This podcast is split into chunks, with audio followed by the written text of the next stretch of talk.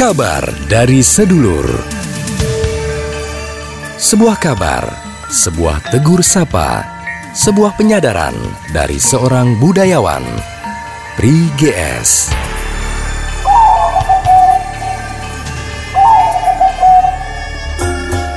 Sedulur-sedulur saya di mana pun Anda berada ketemu lagi dengan saya Pri GS di kabar dari sedulur.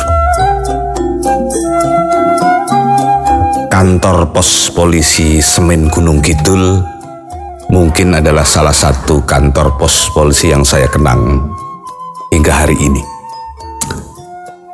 Kenangan pertama itu adalah keramahan kepada polisi, rasa ramah kepada polisi itu pernah saya rasakan di masa kecil saya. Jadi stigma polisi saat itu tunggal saja di dalam imajinasi kekanakan saya, yakni pelindung, pengayom, dan pengaman. Saya usia SMP saat itu. Dari perjalanan Semarang ke rumah nenek di Gunung Kidul, tepatnya di Desa Kare, desa di Kecamatan Semin, Kabupatennya Wonosari, eh, Gunung Kidul. Perjalanan masih tidak mudah saat itu. Jadi dari Semarang lewat Jogja, saya harus berhenti terakhir di Monosari karena bus terakhir itu habis jurusan di situ di jam itu, di jam sore itu. Dari Wonosari ke Semin itu butuh menunggu bis esok harinya. Jadi saya terpaksa harus bermalam. Nah, kenapa saya percaya diri melakukan perjalanan yang sedemikian itu? Karena di usia SMP itu persepsi saya sudah terbentuk bahwa kemalaman di sebuah kota, di sebuah daerah tidak perlu dikhawatirkan sepanjang masih ada pos polisi. Maka dengan langkah percaya diri, psikologi yang nyaman, saya mendatangi pos polisi itu dan ini bukan nginap saya yang pertama di pos polisi. Di pos polisi Semin bisa jadi yang pertama. Tetapi karena usia SMP ini saya sudah terbiasa bepergian seorang diri naik bus luar kota, uh, kantor polisi di banyak kota sudah sering saya rasakan. Dan di mana-mana psikologi kenyamanan psikologi itu terjadi. Sepanjang sampai di kantor polisi, uh, nunut menginap, kartu OSIS atau kartu pelajar itu saya sodorkan, dicatat di dalam buku administrasi polisi jaga itu. Terus saya tidur saja, dipersilahkan tidur seadanya di ruangan itu. Dan polisi selalu menyambut dengan sangat baik, walau dengan fasilitas seadanya. Tentu pasti tidak ada suguhan ini itu, tidak ada fasilitas yang diada-adakan, dan kami tidak membutuhkan itu karena bagi kami nebeng tidur dan diperbolehkan dan memiliki rasa aman sepanjang malam itu jauh lebih cukup. Maka suguhan paling besar adalah diizinkan itu. Saya terpaksa mengenang ini untuk menjelaskan sebuah konteks kebudayaan bahwa kepolisian dalam uh, struktur sosial capital saat saya kecil menempati relung psikologi yang indah. Tentu di hari-hari ini juga, walaupun zaman berubah situasi semacam itu di dalam beberapa ukuran terus saja berlangsung. Kebaikan siapa pun ya, termasuk kebaikan polisi. Hanya saat itu sangat khusus memang. Nah, saya sudah belajar menggambar kartun di usia SMP itu.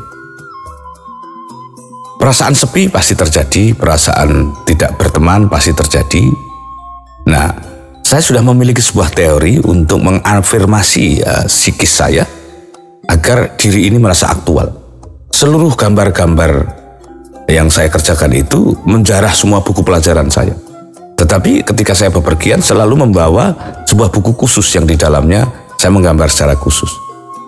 Warto saya ingat tebal gitu dan seluruhnya berisi gambar-gambar saya yang yang yang tidak bisa dihentikan lajunya.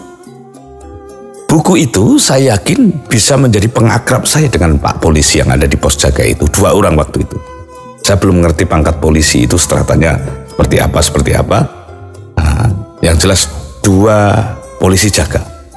Saya taruh di meja, saya dipersilakan tidur di bangku jaga.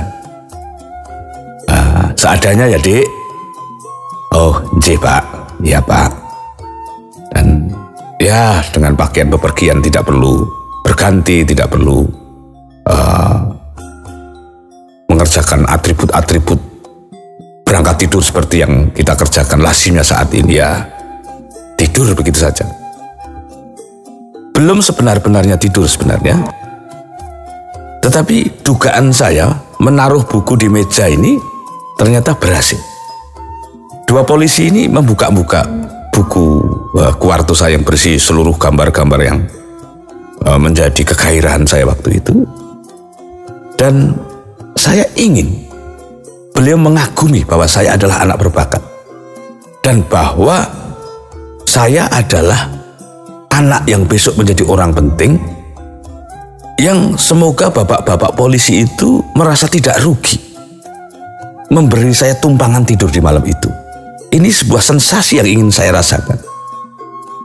Saya tegang sekali menunggu uh, celotehan kedua polisi dan benar, polisi yang pertama dengan bahasa Wonosari yang khas.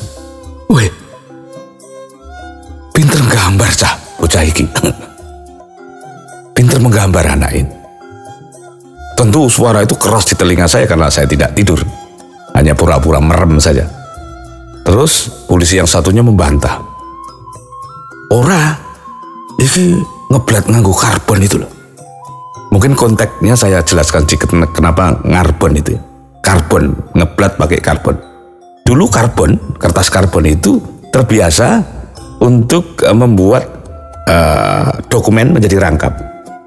Dan bagi anak-anak yang tidak bisa menggambar, karbon itu sering dipakai untuk bantuan menggambar dengan uh, menindas gambar aslinya di karbon itu, lalu kopiahnya itu tertera di kertas kita sendiri.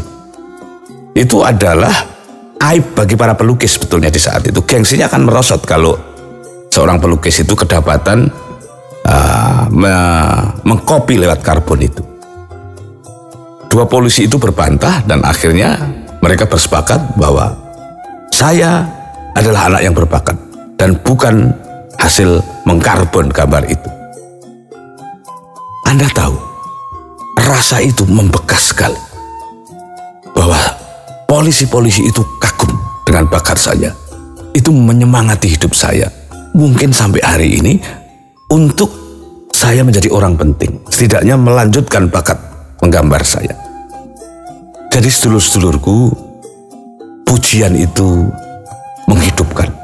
Atensi itu sangat menyemangati. Kepada bapak-bapak polisi yang tentu sekarang sudah sangat sepuh atau mungkin malah sudah seto beliau itu. Sudah wafat. Saya tidak tahu kabar beliau juga tidak mengenal namanya. Saya mengenang jasa-jasa Anda berdua.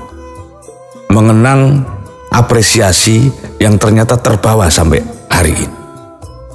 Semoga budi baik ini kembali kepada Anda berdua dan keluarga Anda berdua. Itulah kabar dari sedulur edisi kali ini. Kita ketemu lagi di kabar dari sedulur edisi berikutnya. Demikian kabar dari sedulur bersama budayawan Priges. Semoga semakin menguatkan silaturahmi kita